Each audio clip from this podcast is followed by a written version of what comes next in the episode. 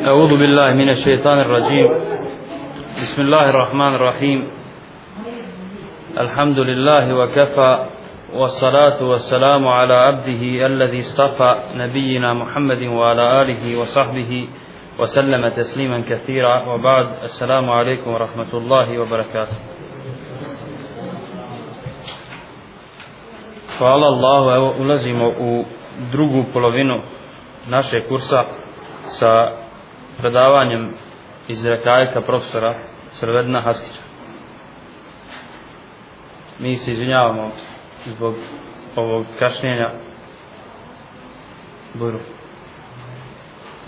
أعوذ بالله من الشيطان الرجيم بسم الله الرحمن الرحيم الحمد لله رب العالمين والصلاة والسلام على أشرف الأنبياء والمرسلين نبينا محمد وعلى آله وصحبه أجمعين والذين تبعوهم بإحسان الله يوم الدين رضوان الله عليهم وعلينا أجمعين Nakon zahvali Allahu uzvišenom stvoritelju i nakon salavata i salama na njegovog miljenika Muhammeda sallallahu alaihi wa sallame i nakon salavata i salama na poslaniku u časnu porodicu njegove ashabi i sve one koji slijede čineći dobro do sudnjeg dana ja vas i danas salam i assalamu alaikum i tražim halala ili za ovo uh, kašnjenje čovjek isplanira ali Allah odredi jeli da se nekada određene prepreke ispriječe na putu da čovjek stigne na vrijeme a naravno da nije, da nije namjerno.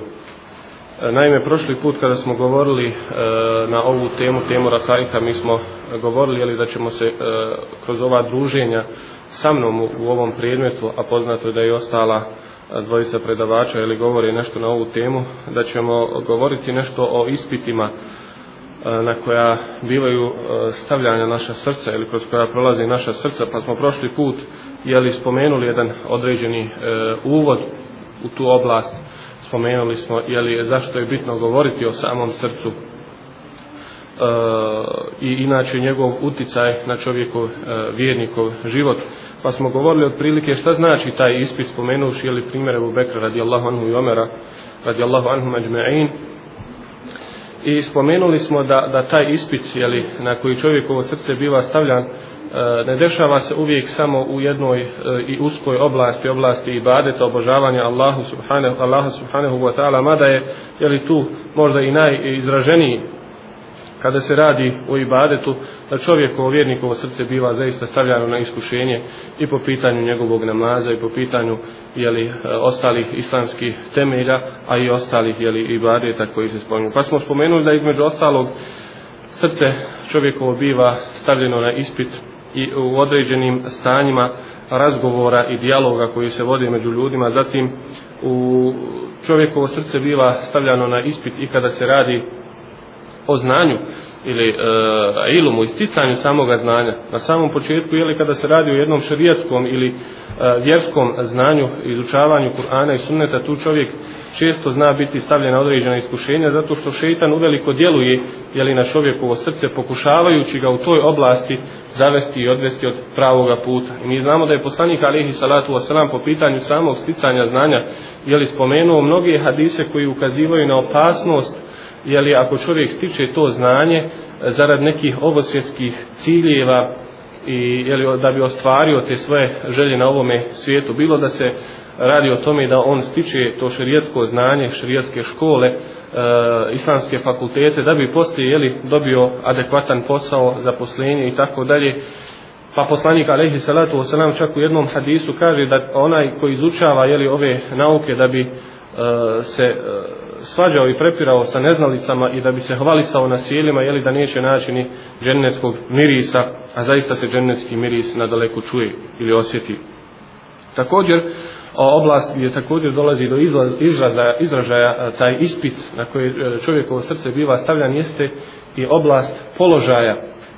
Kada čovjek dolazi na određeno mjesto, na određenu funkciju, tada je li više nego ostali njegovo srce biva ispitivano. Da li će E, i dalje ostati jeli, čvrsto u principima koje je zacrtao poslanik alihi salatu wasalam prije svega od imana i vjere e, pravednosti, pravičnosti, iskrenosti, e, objektivnosti i tako dalje ili će on tada jeli, pokleknuti i zaboraviti na mnoge stvari koje je jeli, upražnjavao i činio dok je bio, eh, uh, hajdemo reći, običan čovjek kao i svi ostali prije nego jeli, je došao na taj, uh, taj položaj i tako dalje. Znači sve su to situacije gdje čovjekovo srce biva stavljeno na iskušenje. Nekada uh, mi jeli, možemo sebi predstaviti da je iskušenje ili ispit, pa hajdemo reći patnja fizička na koju čovjek nailazi, u kojoj se on nalazi, je li mnogo veća od onog iskušenja i patnje kroz koje nekada prolazi njegovo srce. A naravno, ne smije tako biti, jer koliko je ljudi koji su prošli kroz te patnje, bilo da se radi o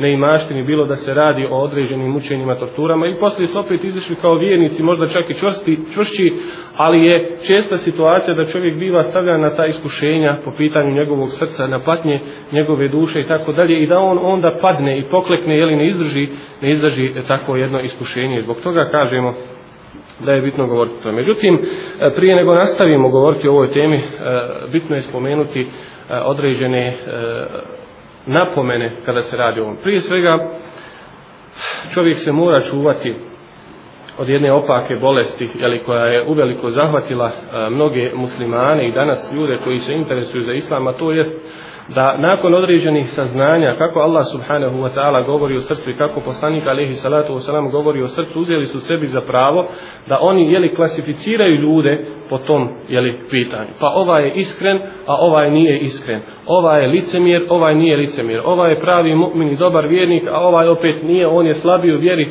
on jeli popušta u vjeri, tako dalje ne izvršava određene propise znači uzeli su sebi za pravo je li da klasificiraju ljude što je svakako je li, je li e, velika opasnost. Sljedeća opasnost po pitanju srca jeste da čovjek uh, se zabavi hajdemo tako reći i e, istraživanjem tuđih srca njihovih stanja zašto je postupio ovako zašto nije ovako pa možda je u njegovom srcu ovo možda nije ono a u isto vrijeme je li zaboravlja zaboravlja svoje svoje srce. Znači nemamo pravo određivati šta je u čijem srcu. Jer to je samo Allah subhanahu wa ta'ala. On je gospodar srca i on ima uh, isključivu uh, ingerenciju, hajdemo reći, jeli da osuđuje nekoga ili sudi nekome po onome što je u njegovom srcu.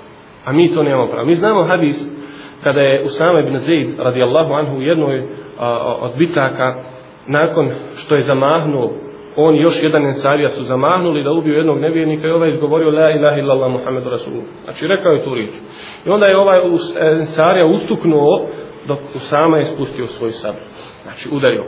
I kada su došli Allahom poslaniku alaihi salatu wasalam i obavijestili ga o tome šta se desilo i šta se bilo, on poziva Usama i kaže pa zar si ga udario na on što je rekao la ilaha illallah muhammedu rasulullah.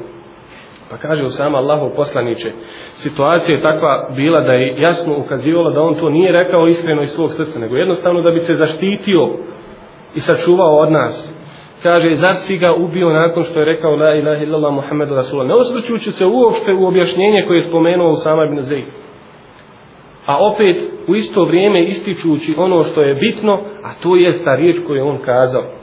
Riječ koja je teži i teža je od svega ostalog na mizanu, kao što je poslanik alihi salatu wasalam jeli, pojasnio u svojim hadisma. U drugoj predaji se kaže, a zar si ti rascijepio njegovo srce, pa vidio da li on to rekao iskreno ili je to rekao jeli, da bi se zaštitio. Što znači da ono što je u čovjekovom srcu, bez obzira kako situacija izgledala, bez obzira što se to nama činilo, jeli, da zaista on to nije iskreno kazao i to dijelo koje on čini da nije iskreno, Znači, mi nemamo pravo da donosimo sud o tome. A nažalost, danas mnogo, mnogo se o tome može čuti. Danas dvojica kada se sastanu nemaju druge teme, jeli nego da razgovaraju zašto i kakav je postupak onog drugog. Da li je on iskren, jeli, da li je zatim, e, sa tim zaista želio Allahovo zadovoljstvo ili je to jednostavno on učinio tek tako. I obično se na kraju završi da on nije bio iskren u tom svom dijelu, priča završi fino, njih obojica ili to sjelo zadovoljno, srca na mjesta, u stvari šeitan je li postigao cilj koji je on sebi e, zacrtao.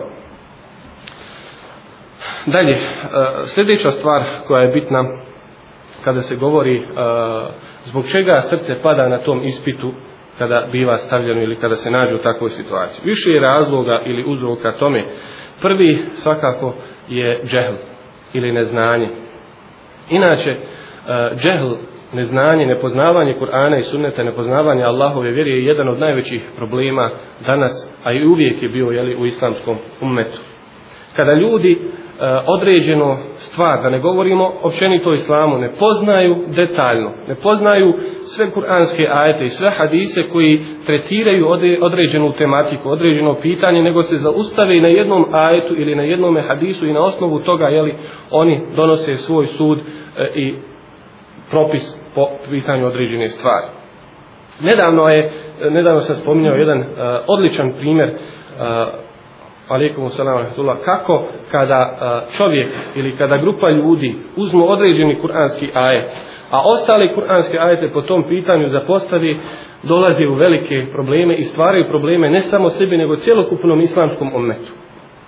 Ebu Bekr, radijallahu anhu, kada je preuzeo hilafet i postao halifa nakon smrti Allahovog poslanika, alihi salatu wasalam, poznato je da je jedna skupina arapskih plemena koja su tek pri, e, prihvatila islam i primila islam u tim e, zadnjim godinama poslanikovog sallallahu alejhi ve selleme života, odbila davati zekat. I oni su poslali svoje izaslanike u Medinu kod halife, jeli da jednostavno ih oslobodi te obaveze. I naravno oni su došli sa argumentom. Znači nije to bilo tek tako ne želimo da dajemo i gotovo. Nego su oni uzeli jedan kuranski ajet i kaže hud min amwalihim sadaqatan tutahhiruhum wa tuzakkihim wa tusalli alihim fa inna salataka sakanu lahum. Kaže uzmi od njihovih imetaka sadak, odnosno zekat, kojim ćeš ih očistiti.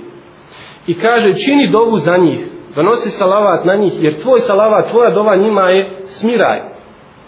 I kažu oni, ovo kome je naređeno da uzima zekat od nas i čija dova je za nas smira je Allahu poslanik. Posle njega nema niko da je njegova dova smira je za nas. Što znači da ta obaveza zekata ili spada sa nas i da više niko nema pravo uzimati zekat od nas zato što njegova dova nije jeli, smira je za nas. Pogledajte argumenta i čovjek kada bi to pogledao ostavljajući sve druge kuranske ajete i hadise koji govore o zekatu jeli on bi rekao pa dobro to je stvarno Je li tako? Ne morate davati zekat. I čak neki od ashaba nisu je li se naklonili tim, tom njihovom argumentu, nego su rekli, pa dobro je Bubekre, neka sada ne moraju davati zekat ako im je teško, neka oni klanjaju, a rekli su, mi ćemo nastaviti klanjati, izvršavati ostalo, ali zekat nećemo ispomenuli ajet.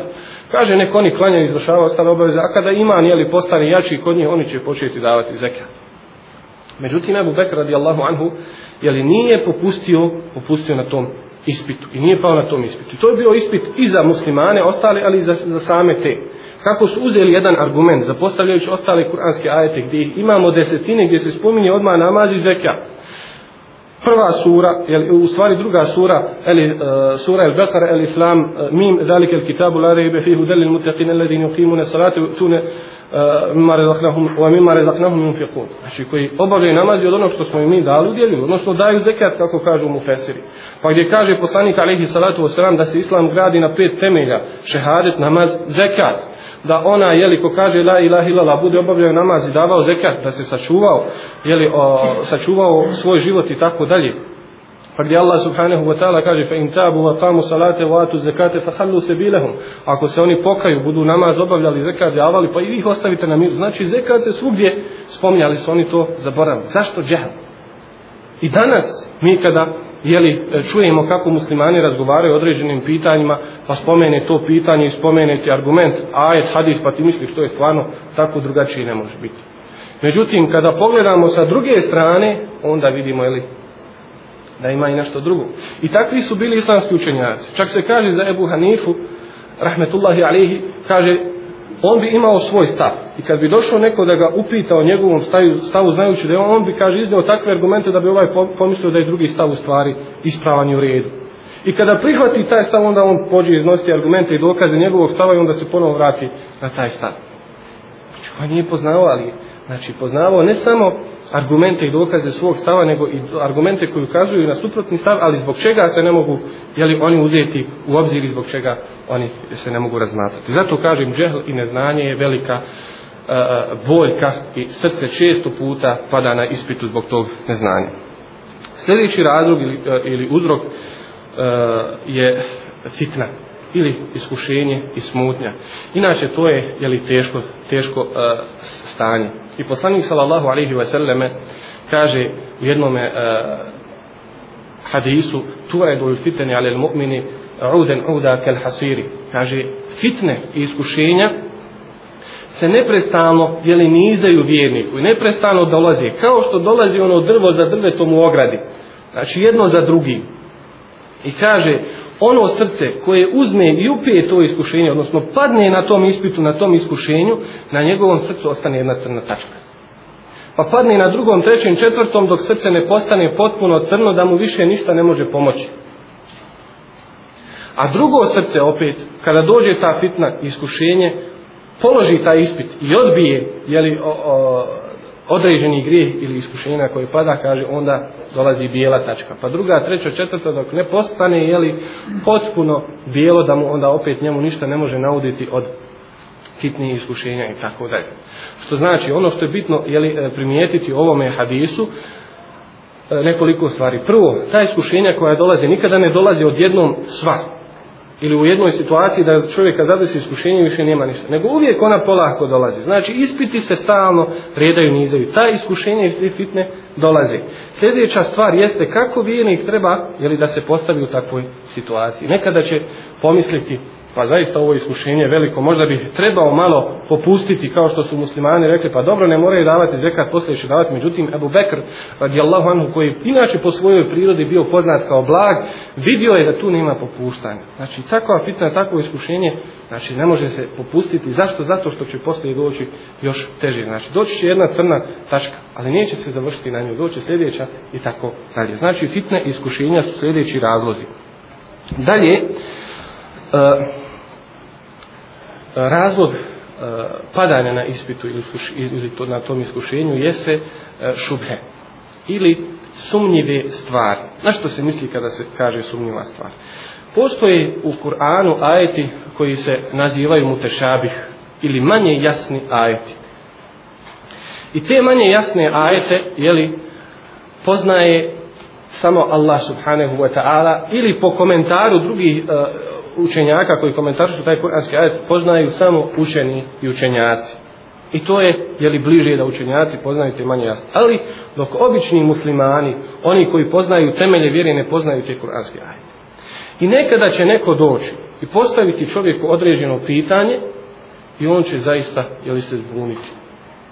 Znači ta šuma će kod njega proizvesti taj ispit, odnosno bit će stavljen na ispit i on će pasti na njegu. Primjera radi, jer islamski učenjaci su često spominjali primjer kada je došao čovjek Abidu, pobožnjaku, koji redovno je na seždi i na namazu, koji posti, jeli, možda i svaki dan i tako dalje, Abid pod pravim u pravom smislu riječi, ali nije bio dovoljno učen. Pa mu kaže, može li tvoj gospodar, ovaj kosmos, nebesa i zemlju, sve staviti u jedno, jeli, jaje kokošinu? Kaže on može. Pa kako može? I onda ovaj je li počeo zaista razmišljati. Pa zvijezde, pa nebesa, pa tamo, pa ovamo. I kaže čovjek je došao u takvo stanje šubhe ili smutnje da jednostavno nije našao odgovor i ostavio i baditi i ostavio sve. A isto pitanje kada je postavio alimu ili učenjaku može li može? Kako? Kale lehu kun fe je kun. Kaže mu budi ono biva. A pravu kakvoću, jeli, čovjekov mozak, jeli, ima tu granicu i to alim zna i zna je li da Allah subhanahu wa ta'ala kada nečemu kaže budi ono biva. Znači sa tom svojom to njegovo znanje mu je dovoljno eh, uh, jako vjeru donijelo i ima znači sačuvao se u toj smutnji. A inače šeitan mnogo iskorištava je li ovo polje da ljudima vjernicima ubacuje te smutnje. Čak se kaže je li u jednom hadisu gdje poslanik alihi salatu wasalam kaže dolazit će i pitaće šeitan mjernika ko je stvorio ovo. Allah. Ko je stvorio ovo? Allah. Ko je stvorio ono? Allah. Ko je stvorio Allaha? Dok ne dođe do tog pitanja. Znači ide redoslijedom. I šta kaže poslanik alihi salatu wasalam? Koje je rješenje na takvo pitanje? Kul amentu billahi. Reci ja vjerujem u Allaha. Znači izgovori šehadet. E, imanske šartove. Zašto? Zato što si došao do granice koju tvoj, tijelo, koju tvoj mozak ne može da pređe. Kao što čovjekovo tijelo ima granicu i zna se može podići neko stotinu, neko dvijesto kila, ali više ne može. Znači kada bi sve svoje snage upotrijebio, ne može više da podigne. Tako je čovjekov razum, ali nažalost malo je ljudi koji hoće da prihvati da njegov razum ima granicu da ima određena jeli, mjera koju ne može prijeći i ne može prevagnuti. Ako pokuša, desit će mu se isto što, do, što se desi i tijelu, jeli, ako podigne 250 kila, znači skršit će se ili neće moći nikako podići, tako i razum se krši, dolazi do psihičkih bolesti, ludila i tako dalje. Postoje određene granice. Sljedeći e, razlog ili uzrok E, zašto čovjek pada na tim ispitima e, na koje njegovo srce biva stavljano jeste nemar po pitanju spominjanja Allaha subhanahu wa ta'ala. Draga braćo i sestre, vikr, spominjanje Allaha subhanahu wa ta'ala je lijek za dušu, ali također je lijek i za tijelo. Najveći zikr, Najveći spomen Allahu subhanahu wa ta'ala jeste Kur'an i Kerim, njegova riječ, učenje Kur'ana. A znamo da poslanik alaihi salatu wa salam jeli spominje uh, Kur'an i Kerim kao lijek i za dušu i za tijelo. I mnoge su predaje koje ukazuju da je Kur'an zaista liječio i dušu i tijelo. I dan danas u našoj praksi mi imamo da Kur'an liječi i dušu i tijelo. I čovjek, ako zapostavi to, znači učinio je veliki Uh, uzrok ili veliki korak da njegovo srce na bilo kom iskušenju da se nađe da će pasti. Nedavno mi dođe jedan čovjek i kaže ja sam psihički puko. Završio na psihijatri. Pa kaže ima li je li određeni kuranski lijek. Još čovjek koji redovno klanja posti i tako dalje pridržava se je li uh, hajdemo reći uh, maksimalno islama onoliko koliko se može danas neko ovdje jeli, pridržavati i tako dalje onako kako smo mi vidjeli, ali vidite da nešto, je li tamo u pozadini nije bilo u redu. Pa onda počinju pitanja, koliko si ti, jeli, spominjao Allah subhanahu wa ta'ala. Da vidimo koliko si dnevno učio Kur'an i Kerim, koliko si im posjećivao prostora u svome životu. Pa onda vidiš da on mjesečno ha, par stranica proučita, ne proučita. Pa koliko si, jeli, puta ostao poslije namaza da zaista proučiš onaj zikr koji je propisan pitanje selam na jednoj strani drugi selam na pijaci na ulici u kući i tako dalje. Znači a pogotovo da ne govorimo kada čovjek uči taj zikr koliko je prisutan kada izgovara subhanallah. Da znaš šta znači subhanallah kada ga izgovoriš. Kada kažeš alhamdulillah Allahu akbar la ilaha illallah subhanallah ila alija azim. Da znaš težinu tih riječi da one zaista ostavljaju uticaja na tebe. A ne da to bude jednostavno uzmeš tespih, preletiš preko njega, ne znaš ni šta si kazao i onda posle nisi ni siguran, pa jesam li ja dobro rekao, jesam li 33 puta, nisam li 33 puta, taj zikr ne utiče na čovjeka. Takav zikr ne utiče na čovjeka. I onda kada se tvoje srce nađe u iskušenju, ispitu, začas, jeli, padamo na tom ispitu. I završit ćemo spomenuši još, jeli, nekoliko razloga, a, ukratko, koji su više praktični razlozi Jedan od tih jeste da čovjek jede haram. Bilo da se radi o kamati, bilo da se radi o mitu, bilo da se radi o bilo kom jeli imetku koji je stečen na neislamski ili na nepropisan e, šerijatom način. Takav imetak je li čovjeka dovodi iskušenje da pada na ispitima. I poslanik sallallahu alejhi ve selleme to dobro objašnjava u jednom hadisu koji je nama vjerovatno svima poznat. Kada dolazi čovjek koji je raščupan, prašnjav, podiže ruke i kaže ja rab, ja rab, doziva Allaha subhanahu wa ta'ala.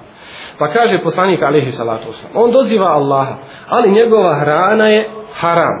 Njegova odjeća je haram.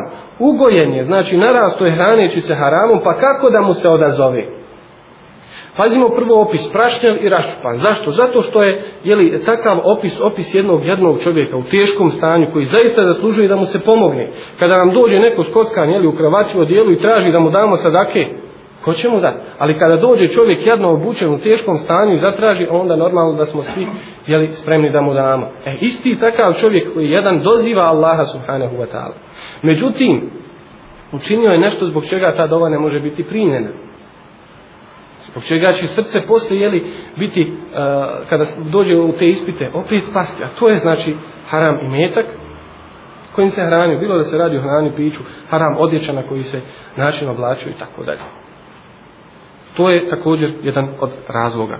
Sljedeći razlog jeste da čovjek ne vodi obzira o svom pogledu. Gdje gleda? Mi znamo da Allah subhanahu wa ta'ala u Kur'ani i Kerimu narađuje i vjernicima i vjernicama da obore poglede svoje i da je to čišće za njih. Danas u ovom stanju to je također više bitno nego jeli, u nekim drugim situacijama. Da čovjek obori svoj pogled. Inače, taj pogled, jeli čovjek će reći, pa dobro, šta je jedan pogled, jeli, da pogleda, ništa gotovo završava se, poslije će, jeli, možda se i pokazati Allah subhanahu wa ta'ala. Ali to je ta šeitanova otrovna strelica. Nikada niste vidjeli nikog da je otišao i počinio zinalu kodma. Od prve izišao iz kuće i počinio zinalu. Ne, morao je biti put. Mi smo vidjeli kako iskušenja dolaze, kako kaže poslanik Alihi salatu wasalam. Ko ona drca od ograde, svi jedno za drugim. I tačka po tačka dolazi. Tako je pogled. Šetanska pošta, kako kažu jeli, islamski učenjaci, na kojem pošalje tebi poziv i onda se ti odazoveš na ono što je jeli, mnogo veće od toga. I čovjek Jeli, ako ne vodi brigu o tome, onda dovodi svoje e, srce u iskušenja, odnosno e, u problem da padne na tom ispitu. A ako opet vodi na drugoj strani i bude čuvao svoj pogled, doće do takvog stepena, kao što kaže poslanik Alehi Salatu Wasalam, da onaj koji bude obarao pogled radi Allaha, osjetit će slast imana. I kada pogledi, obori svoj pogled, ne vidi onaj haram i zaobiđe ga, on će osjetiti slast da mu je drago što to nije vidio. A neće mu biti teško, jeli, što je ga, što je ga to prošlo i tako dalje. Znači, to je također jedan od uh, razloga i zadnji razlog koji ćemo spomenuti jeste uh, okretanje dunjaluku ili zabavljanje dunjalukom, a zapostavljanje, zapostavljanje ahireta. A to je problem sam za sebe kao što kaže poslanik alihi salatu wasalam, glavni razlog slabosti ummeta i zbog čega će ummet dovesti sebe u, u, u iskušenje, je li da bude napadnut sa svih strana, da bude načet sa svih strana, ovaj razlog. Da voli dunjaluk, okrene se dunjaluku, a u isto vrijeme ali da prezire smrt i prezire ahiret i ono što ga čeka tamo. Ali o tom potom, ja molim Allaha subhanahu wa ta'ala da da korist onome što smo rekli od nas, da nas učini e, boljim muslimanima, oprosti naše grijehe, da u džennete kulu qavli hada, wa astagfirullaha li wa lakum, fa astagfiruhu, innahu huval al-gafuru rahim.